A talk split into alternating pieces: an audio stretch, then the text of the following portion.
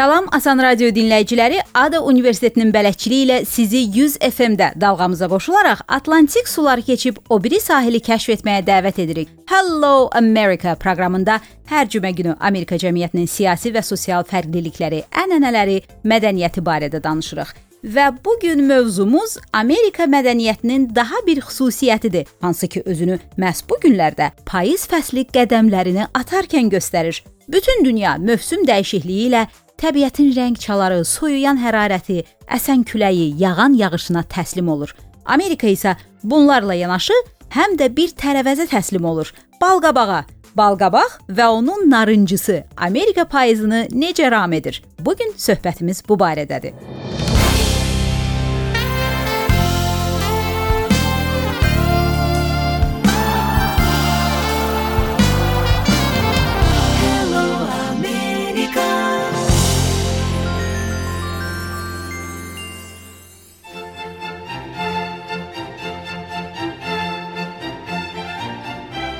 Botaniklər hesab edirlər ki, balqabaq bitkisi Şimali Amerika qitəsində 9000 il əvvəl yaranıb. Bunu müasir Meksika ərazisində tapılan 7000 yaşlı toxumlar deməyə əsas verir. Lakin ingiliscə adı pumpkin, Yunan dilində pepon, böyük yemiş sözünün tədricən dəyişmiş formasıdır. Amerikalı hindular balqabaqları çay sahili boyu lobya və qarğıdalı ilə birgə yetişdirirdilər. Adına isə üç bacı deyirdilər. Bu bitkilərin yaxınlıqda bastırılmasına səbəb var idi. Lobya torpağa azot ifraz edərək qarğıdalı taxılını möhkəmlədirdi. Sərt qış küləklərində isə ona sarmaşaraq əyilməyə qoymurdu. Özü də beləcə taxıl boyu yüksəkliyə dırmaşıb bolluca gün işığı ala bilirdi. Balqabaq isə taxılın köklərində alaq otlarının yayılmasının qarşısını alırdı. Hindular üçün balqabaq uzun müddətli sərfəli qida idi. Onu bütün qışı xarab olmadan dilimləyib ocaq üzərində qızardıb yeyirdilər. Deyilənə görə balqabaq toxumlarını Amerikanı kəşf edən Xristofor Kolumb Avropaya geri döndükdə özü ilə gətirmişdi. Amerika hinduları isə qitəyə gələn mühacirlərlə öz yerli təamları ilə bölüşdülər. Beləliklə balqabaq bu gün Amerika mətbəxinin əsas atributlarından biri hesab olunur.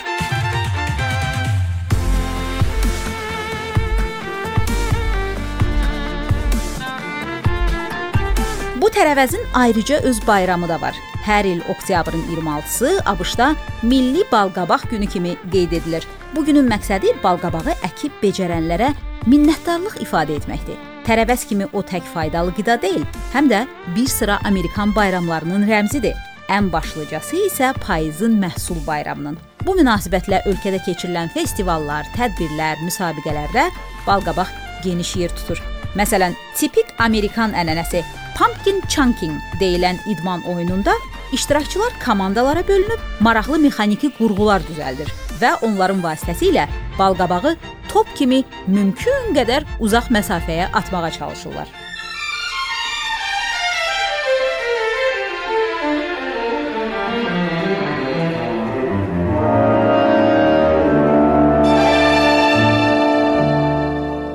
The falling leaves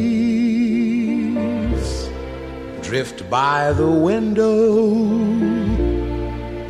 The autumn leaves of red and gold.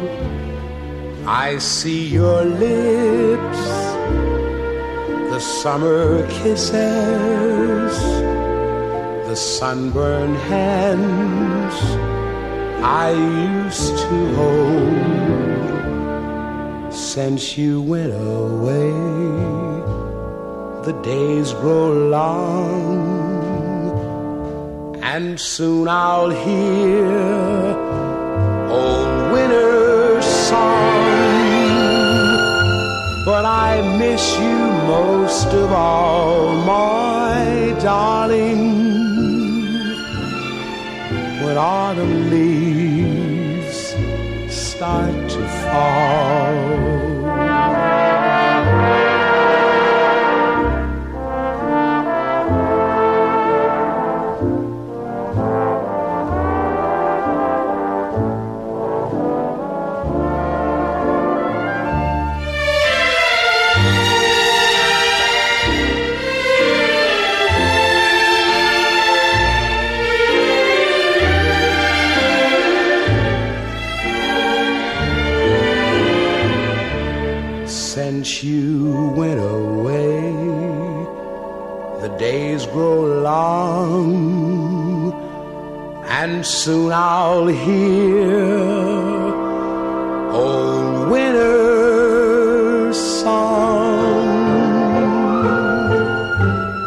But I miss you most of all, my darling, when autumn leaves start to fall.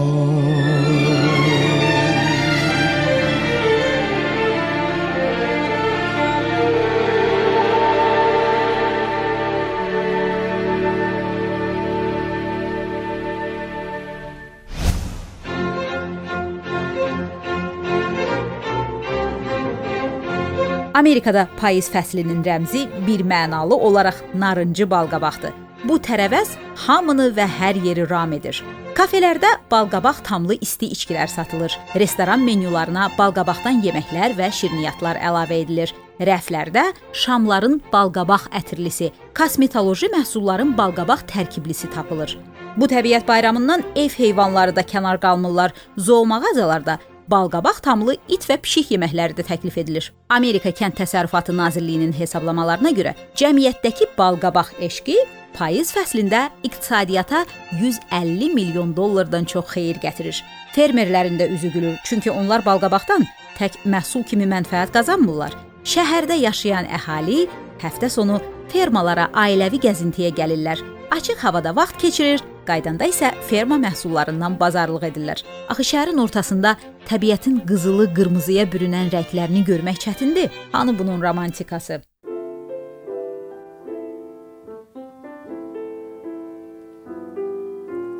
Autumn in New York. Why does it seem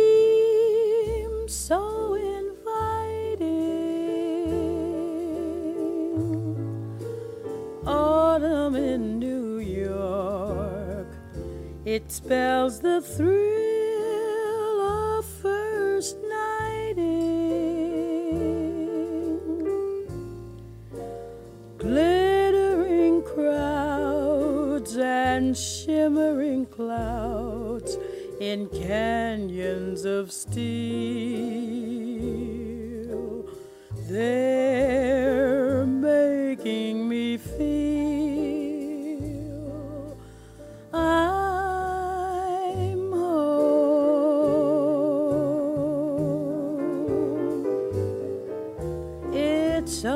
autumn in New York that brings the promise of new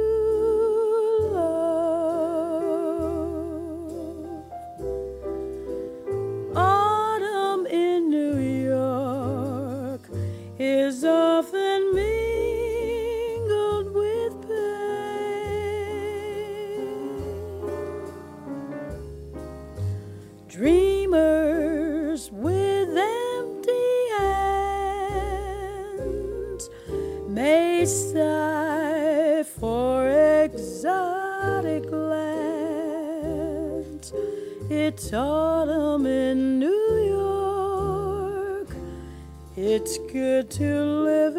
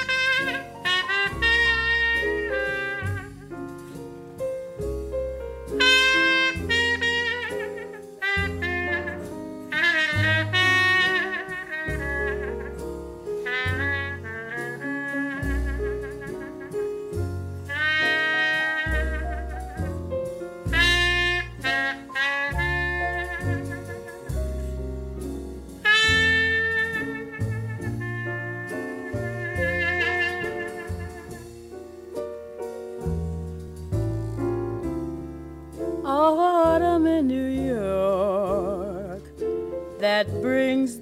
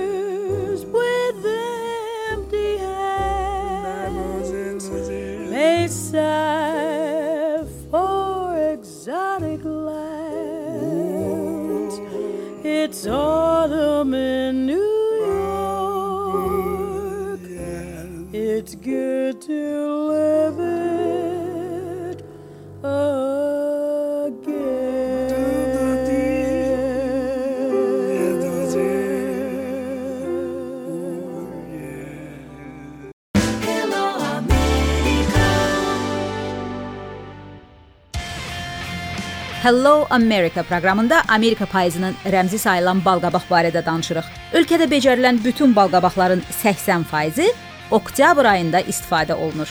Onu qidadan tutmuş kosmetoloji məhsullar, hətta ev dekorunda da əlavə edirlər. Çünki balqabaq Amerika hindularının əsrlərdən bəri qitədə becərdiyi ərzaqdır və bütün dünyaya məhz Şimali Amerikadan yayılıb.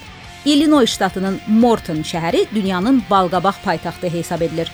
Çünki ölkənin balqabaq təminatının 95%-i məhz Illinois ştatından gəlir. Burada becərilən balqabaq əsasən 2 növ olur. Ətirli, ağdan tutmuş sarı rəngə qədər uzunsov balqabaqlar yeməklərdə istifadə olunur. Ətirsiz, iri dairəvi balqabaqlar isə sırf bəzək və əyləncə üçündür.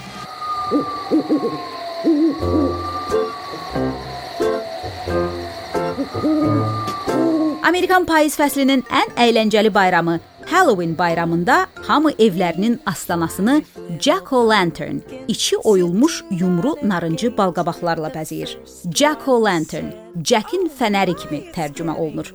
Balqabaqlarda hirsli sima oyularaq içinə işıq qoyulur.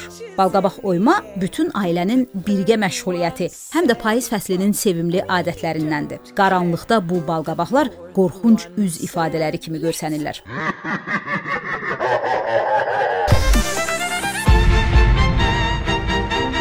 Jack-o'-lantern əslən İrlandiyadan olan mühacirlərin yaydığı folklor hekayəsindən yaranıb. Rəvayətə görə Jack simic birisi idi. Bir axşam o şeytanla qədəh vurur, amma içkinin pulunu vermək istəmir. Şeytana pulunun olmadığını deyir. Şeytan özünü bir anda qızıl pula çevirib Jackə içkiləri ödəməyi təklif edir. Hiləgər Jack isə qızıl pulu cibindəki xaçın yanına qoyub barı tərk edir. Şeytan xaçın yanında öz simasına yenidən girə bilmir. Jack onu azad etmək üçün şeytandan vəd alır ki, öləndən sonra Jackin canını cəhənnəmə aparmayacaq. İllər keçir, Jack dünyasını dəyişir. Tanrı onun simicliyi və hiləgərliyindən qəzəblənib onu cənnətə buraxmır. Şeytan isə sözünü tutub onu cəhənnəmə aparmır. Rəvayətə görə Jackin ruhu bu günə qədər gecələr oyulmuş balqabağın içindəki şamla dünyanı dolaşır. Hə, bu hekayənin sonunda göydən 3 balqabaq düşür. Biri sizin, biri bizim, biri isə Jackin. Bəlkə anlayar ki, balqabaq həm də xeyirli tərəvəzdir, sağlam və dietik. Çünki tərkibinin 90%-i sudan ibarətdir. Sizə də sağlam və gözəl hekayələrlə dolu payız fəsli arzulayırıq. Hello Amerikada növbəti cümə günü görüşənədək.